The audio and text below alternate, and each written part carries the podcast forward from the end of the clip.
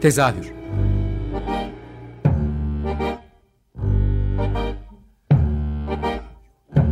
İstanbul tiyatro hayatı üzerine gündelik konuşmalar. What keeps mankind alive? What keeps mankind alive?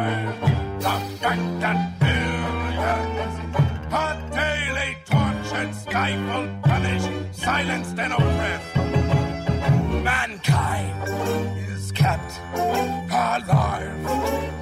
Bestial acts. Hazırlayan ve sunan Gülin Dede Tekin. Tezahürden herkese iyi akşamlar. Ben Gülin Dede Tekin. Bu hafta e, tezahürde Kadıköy Boğa sahnenin kolektif bir ekiple yaptığı e, Boğa kısaları konuşacağız. Ama öncesinde e, konuklarımı size tanıtayım. E, Berfin Zenderlioğlu, Murat Mahmut Yazıcıoğlu ve Gökhan Günün burada. E, öncelikle Gökhan'dan başlamak istiyorum. Hoş geldiniz bu arada. Hoş bulduk. E, Gökhan'dan başlamak istiyorum çünkü yani genel olarak her röportajımda röportaj yaptığım ekiplere mutlaka şeyi sordum. E, pandemi dönemi nasıl geçti diye. Bu pandemi döneminde hani böyle ekipler kendine sloganlar ürettiler ya da böyle ayakta kalabilmek için kendi bir, e, bir durum yaratmaya çalıştılar ve ben Kadıköy Boğa sahnenin hayatta kalmak sloganını çok seviyorum. Yani tam buradan da size şey sormak istiyorum. Yani kısaca Boğa sahne bu bir sene içerisinde nasıl hayatta kalmaya çalıştı? Neler yapabildi? Ee, bir buradan Gökhan senle başlayalım mı? Evet olabilir.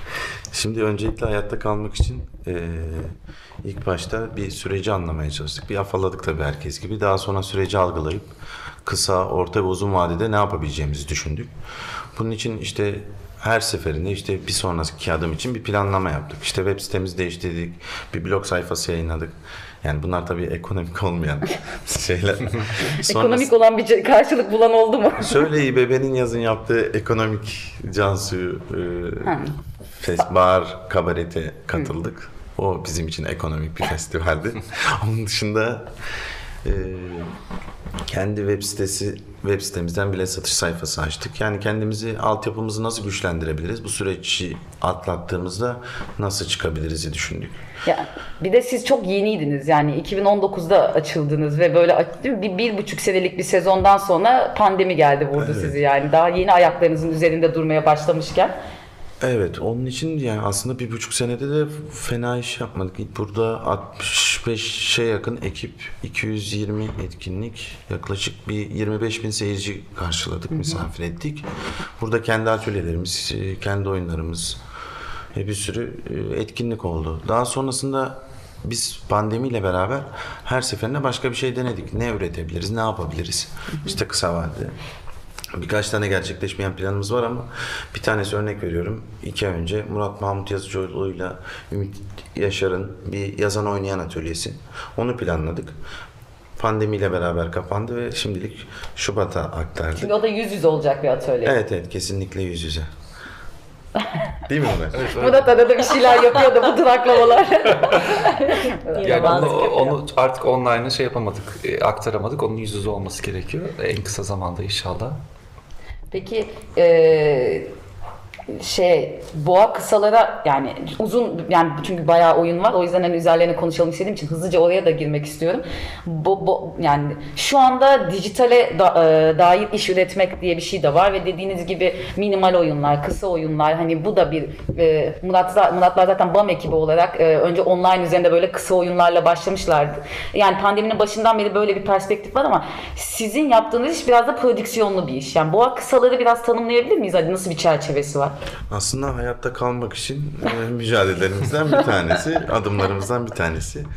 E, proje önerisi Murat Mahmut'a ait tabii. zaten nasıl kesişti yollarınız bir de onu soracaktım. Sen sen, ee, devam edelim. Şöyle Gökhan o e, sahnenin nasıl ayakta kaldığı ile ilgili e, söylediği bir şeyler ki aslında birçok sahne için aynı şey geçerli. Hep e, sadece Boğa sahne değil birçok sahne çeşitli e, çıkış noktaları üretmeye çalışıyorlar.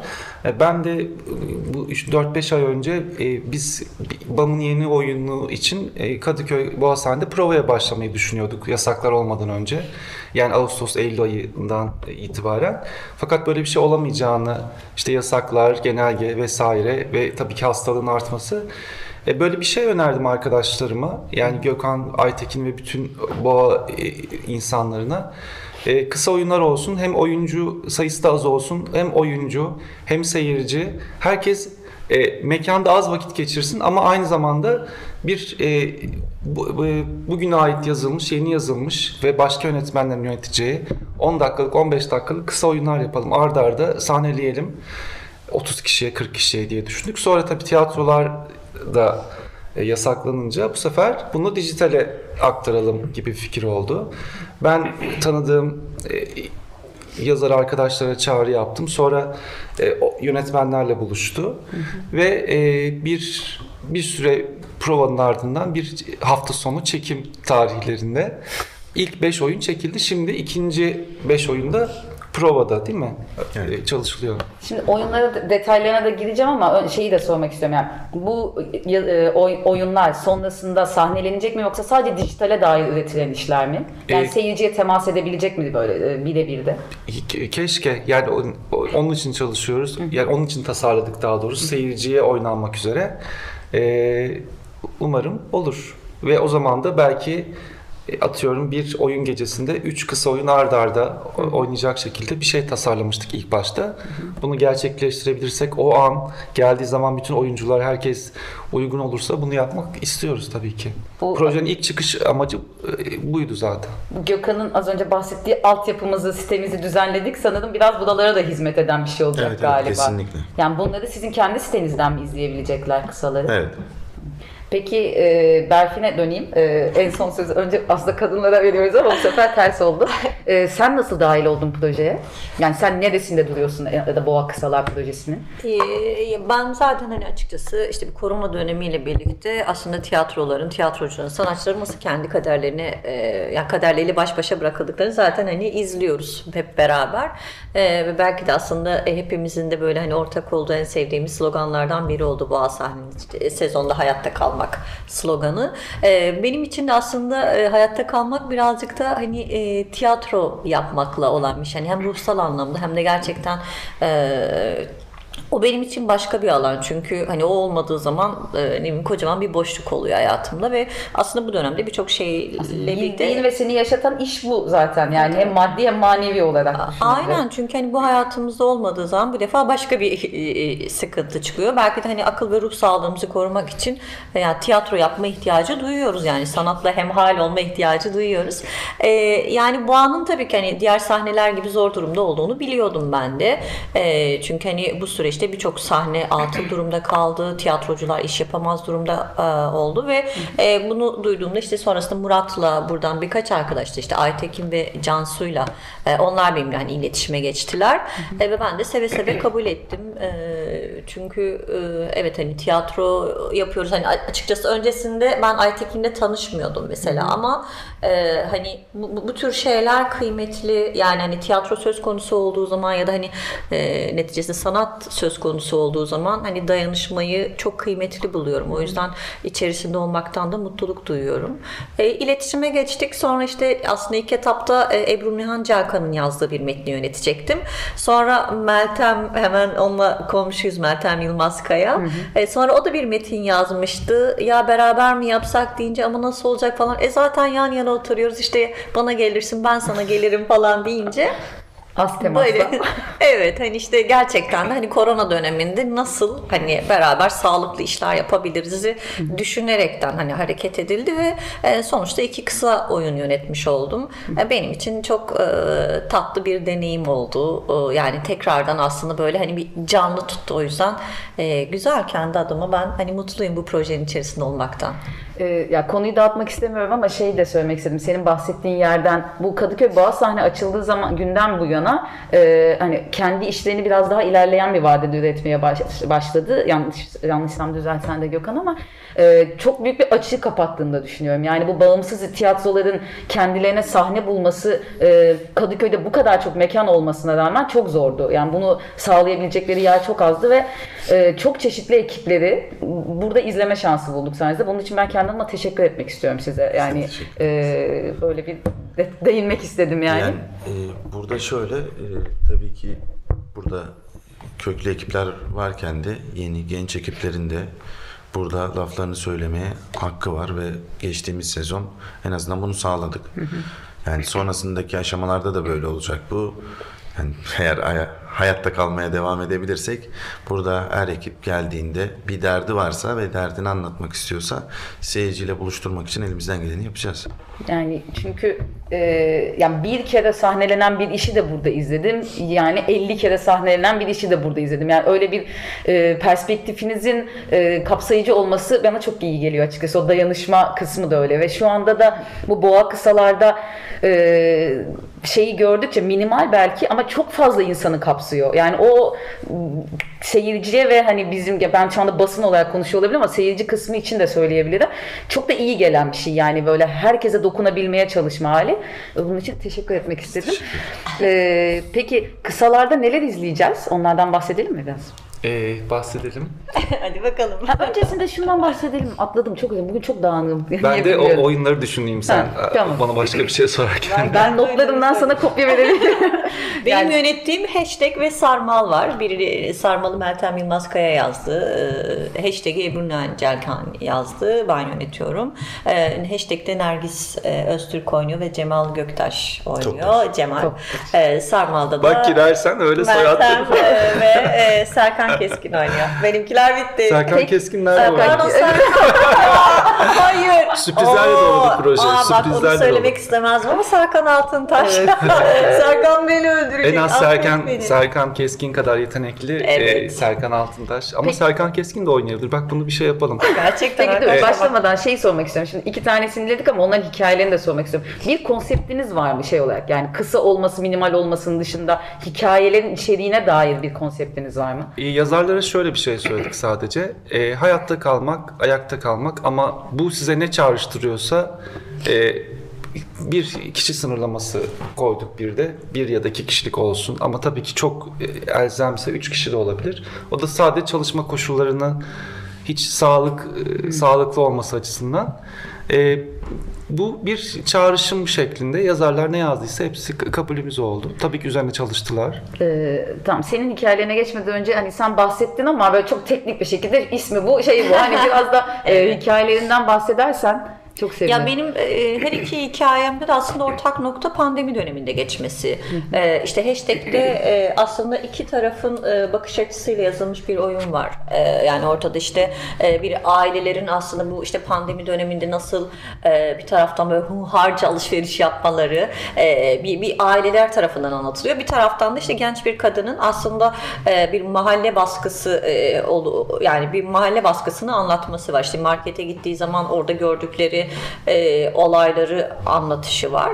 E, e, aslında şeyde de Sarmal'da da e, bir çiftin işte pandemi dönemi boyunca işte e, baş başa kalmaları, orada yaşadığı yaşadıkları anla şeyler işte çıkmazlar, sorunlar. Biraz bunlara değinen bir oyun. Ya ama dediğim gibi her ikisinin de ortak noktası aslında tam da e, günümüzde hepimizin cebelleştiği e, korona günlükleri öyle diyeyim ben. Aslında bu noktaları. hani pandeminin başından beri söylediğimiz bugünlerde neler üretilecek ve ileriye ne kalacak dediğimiz hikayelerden anladığım kadarıyla. Evet ama hashtag'te mesela benim e, hani e, orada böyle işte oyunun sonunda bir cümle var ve ben hani e, onu da aslında önemsiyorum. Belki hani bu projede e, hani dediğim gibi beni e, daha çok bana kıymetli gelen şey şu. Evet biz oyunlar yazabiliriz. E, yani hani, hani Murat yazar ben yönetirim. Yani hani Gökhan da işte bir yerinde olur ama önemli olan şu. Peki hani biz bunları yaptıktan sonra gerçekten oynayabilecek sahne bulabilecek miyiz?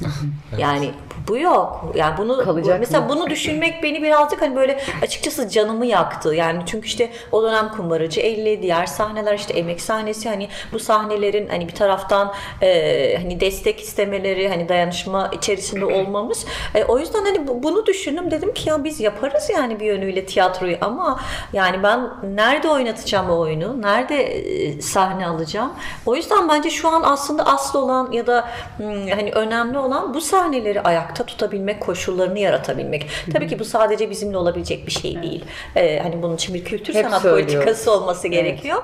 Ee, ama hani biz bu süreçte bu, bu bu çok önemli bir şey. Gerçekten hani bence çok da kıymetli yani de söylenilmesi de gerekiyor. Ben bu kuşağın yani bu, bu destek anlayışını ve birbiriyle olan dayanışmasını çok seviyorum. Yani e, bence bir sonraki kuşakta hani e, bu bundan etkilenecek yani birbirimize el verebilmeyi öğren- öğrenmeliyiz yani biz bunu öğrenemedik aslında ama hani böyle çok e, içsel, hani böyle güdüsel bir şekilde aslında kendiliğinden oluştu.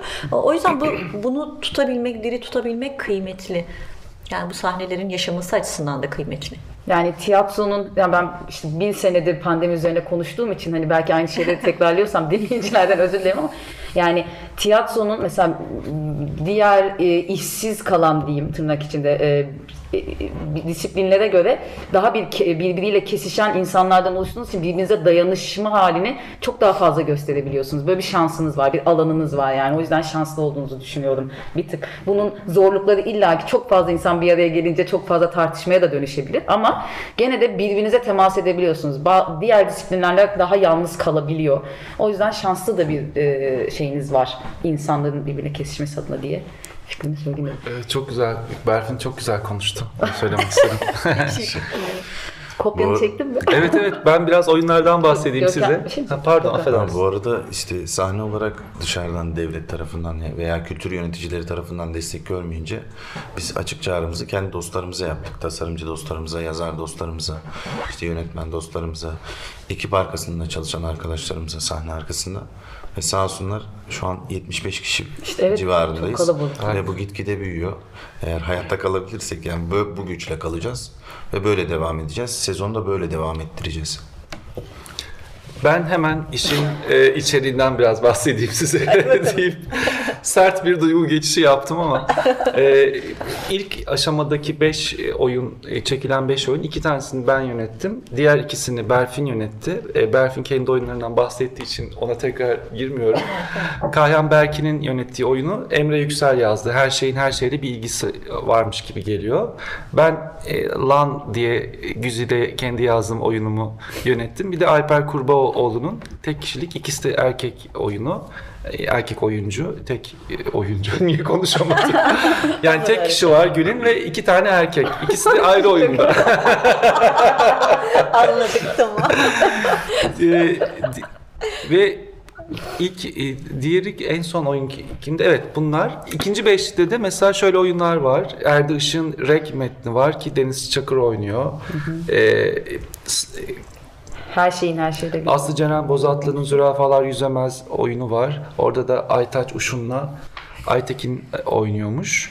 Bunlar da ikinci aşamada yani ilk beş oyun e, çıktıktan sonra şu an provası devam eden oyunlar. Toplam kaç tane olacak? Şu an toplam 10 tane oyunumuz var. Çekilmiş ve provası devam eden. Evet. E, bunları eklenmeler Az önce olacak. senin yazdığınla da Onu o ayrıca başka bir evet. platformda. Alınacak. Gördüğün gibi e, çok e, kayboldum biraz bu şeylerin arasında ama bir sürü insan var ve çok tatlı şeyler oluyor. Özeti bu diyorsun. Evet. Peki e, oyunların hani aslında hikayelerinden de bahsetmeni çok isterdim ama seni şu anda İstiyorsan onu başka bir programda bahsedelim. Peki şeyi de sormak istiyorum. Bu hani tiyatroya gerçekten böyle seyirciyle temas eden haline inandığınızı biliyorum. Ama şu anda oyunlar dijitalde yayınlanacak. Bunun siz kamera arkasında baktığınızda nasıl hissediyorsunuz? Yani o duyguyu da sormak istiyorum. Bu oyun sizin hayalinizde yazdığınız ya da yönettiğiniz şeyi karşılığını bulacak mı size? Yani dijital tiyatroyu tartışmak için sormuyorum aslında. Sadece bireysel olarak hissiyatınızı merak ediyorum. Çok kısaca şöyle bir şey söyleyeceğim. Şimdi, Uzunca anladım. e, şeyi düşünüyorum. Şimdi geçen sene Mart ayında e, bu e, kısa monologları okuma tiyatro, okuma performansı olarak Instagram, BAM İstanbul'un Instagram'da yayınlıyorduk. Ve o zamanlar şöyle bir tartışma vardı e, tiyatrocuların arasında hani üretmek zorunda değilsiniz. E, bir dinlenin birazcık. E, dünya işte batarken sanata ihtiyacımız olmayabilir gibi. Çünkü iki ay sanıyorduk o zaman. E, iki ay sanıyorduk ve bir yandan da bu benim çok moralimi bozuyordu. Çünkü e, birisi 3 senede bir üretir. Birisi e, o an can haliyle üretir ve kimse kimsenin üretimi süreciyle ilgili üstelik böyle bir ülkede yaşıyorsak herkes biricik yani. E, neyin uğruna ve neyle ürettiğimizi de düşünerek yani biz Amerika'da ya da Fransa'da yaşamıyoruz. O da onu da ayrıca tar- tartışırız ama şimdi bir sene sonra birisi bana gelip e, mesela hala e, şöyle bir şey dese ne hissederim diye düşünüyorum. Ne kadar eski geliyor. Dur yapmak zorunda değilsin. Rahatla birazcık. Şu an gerçekten sadece sahnenin hayatta kalması için değil aynı zamanda kendi akli dengemizi de hayatta tutmak için e, tabii ki e, üretmek zorunda hissediyorum kendimi. Çünkü E, bu benim işim, tutkum, yapmak istediğim şey. Biz oyun pro, oyun çekimlerinde burada çekim ekibi vesaire bir 10-15 kişi toplanmıştı ve akış aldık oyunları çekilirken ve sonunda da bir alkış oldu. Bir yıl sonra neredeyse ben ve oyuncum e, alkışı duymuş oldu belki ve o an şeyi hatırladım. Evet biz şunu bunu yapıyorduk. O an sahnede canlı e, seyirciyle beraber herkesin nefesi aynı salonda. Tabii herkesin maskesi vardı. Onu da ekleyeyim. Evet. Bu dijital meselesi tamamen bir her yani çok sevdiğim bir laf, bir arayüz. Evet.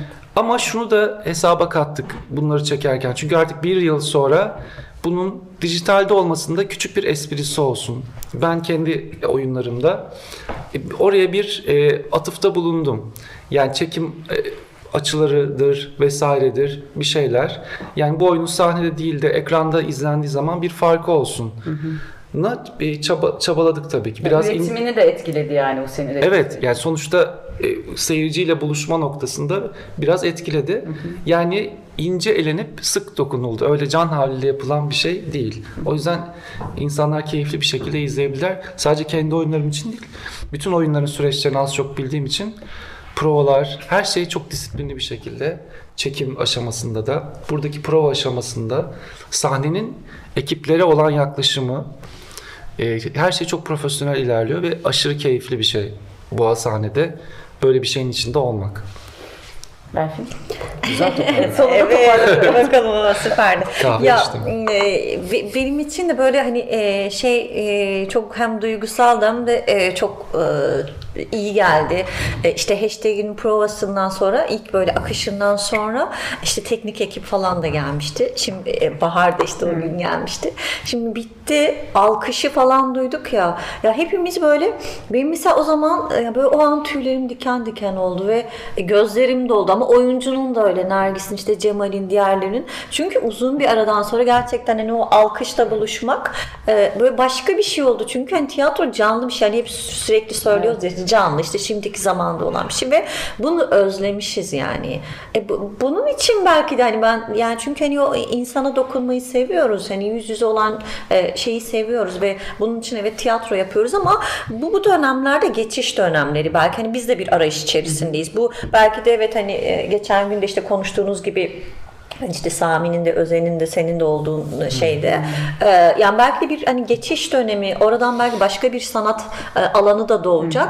E, ama biz de bu alanı deneyimliyoruz neticesinde. Yani burada işte Murat'ın dediği gibi kimileri gerçekten üreterek, e, kimileri durarak. E, ya benim için mesela bu bu şeyler hani böyle bir zorunluluk değil ya da e, böyle e, zorlayarak yapılan bir şey. Benim kendi rutinim zaten. Yaşamayı bildiğin yol. Ya benim yani. rutinim ben bunu yapmazsam zaten e, aslında o zaman hani göçüyorum yani e, o, yani be- benim için bu şey değil yani nasıl ki e, hani bir, bir kime Bergman'a sormuşlardı hani sanatı nasıl değerlendiriyorsunuz sanat olmak zorunda mı? E, o da çok basit bir şeyle söylemişti. Yani hani e, yemek yersiniz ama hani onun tuzu olmaz ya da hani bir şeyin şekeri eksiktir falan. Ya benim için hani sanat öyle bir şey diyordu. Hani bunlar olmazsa nasıl ki hayatı eksik görüyorsam ya benim için de gerçekten bu olmadığı zaman bir tarafım eksik. O yüzden bu benim için bir zorunluluk değil. Ayakta kalma hali benim için e, bir ihtiyaç. Ben bunu içselleştirmeye çalışıyorum sadece. E, o yüzden seviyorum yani. Son böyle bir, bir dakikadan az bir vaktimiz kaldı hatta. e, yani umarım ne zaman yayınlanmaya başlayacak önce onu bir sorayım. Gökhan. Ee, muhtemelen sahnenin doğum gününde 16 Şubat'ta. 16. evet çok güzel. E, Ee, Çünkü kurgular yapılmaya başlanıyor Evet, artık evet, yani. başlandı. Hani, o zaman Boğa Sahne'nin kendi internet sayfasından takip edebilirler. Evet. Yolu açık olsun diyorum. Ee, kazancı bol olsun diyorum her şeyden önce. Teşekkür ederiz. Seyircisi, izleyicisi bol olsun. Çok teşekkür ederim geldiğiniz için. Biz Ee, te- teşekkür ederiz. her şey... tabii ki tabii ki çok Size bu arada e, künyesinden bahsetmek istiyorum. Tabii. Proje tasarım Murat Mahmut Yazıcıoğlu. Proje danışmanı Gayhan Belkin.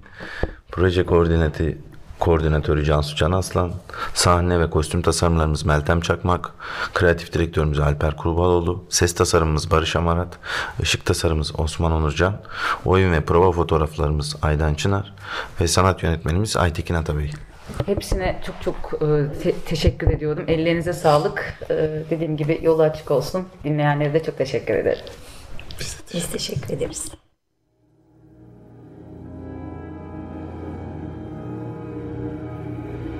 Tezahür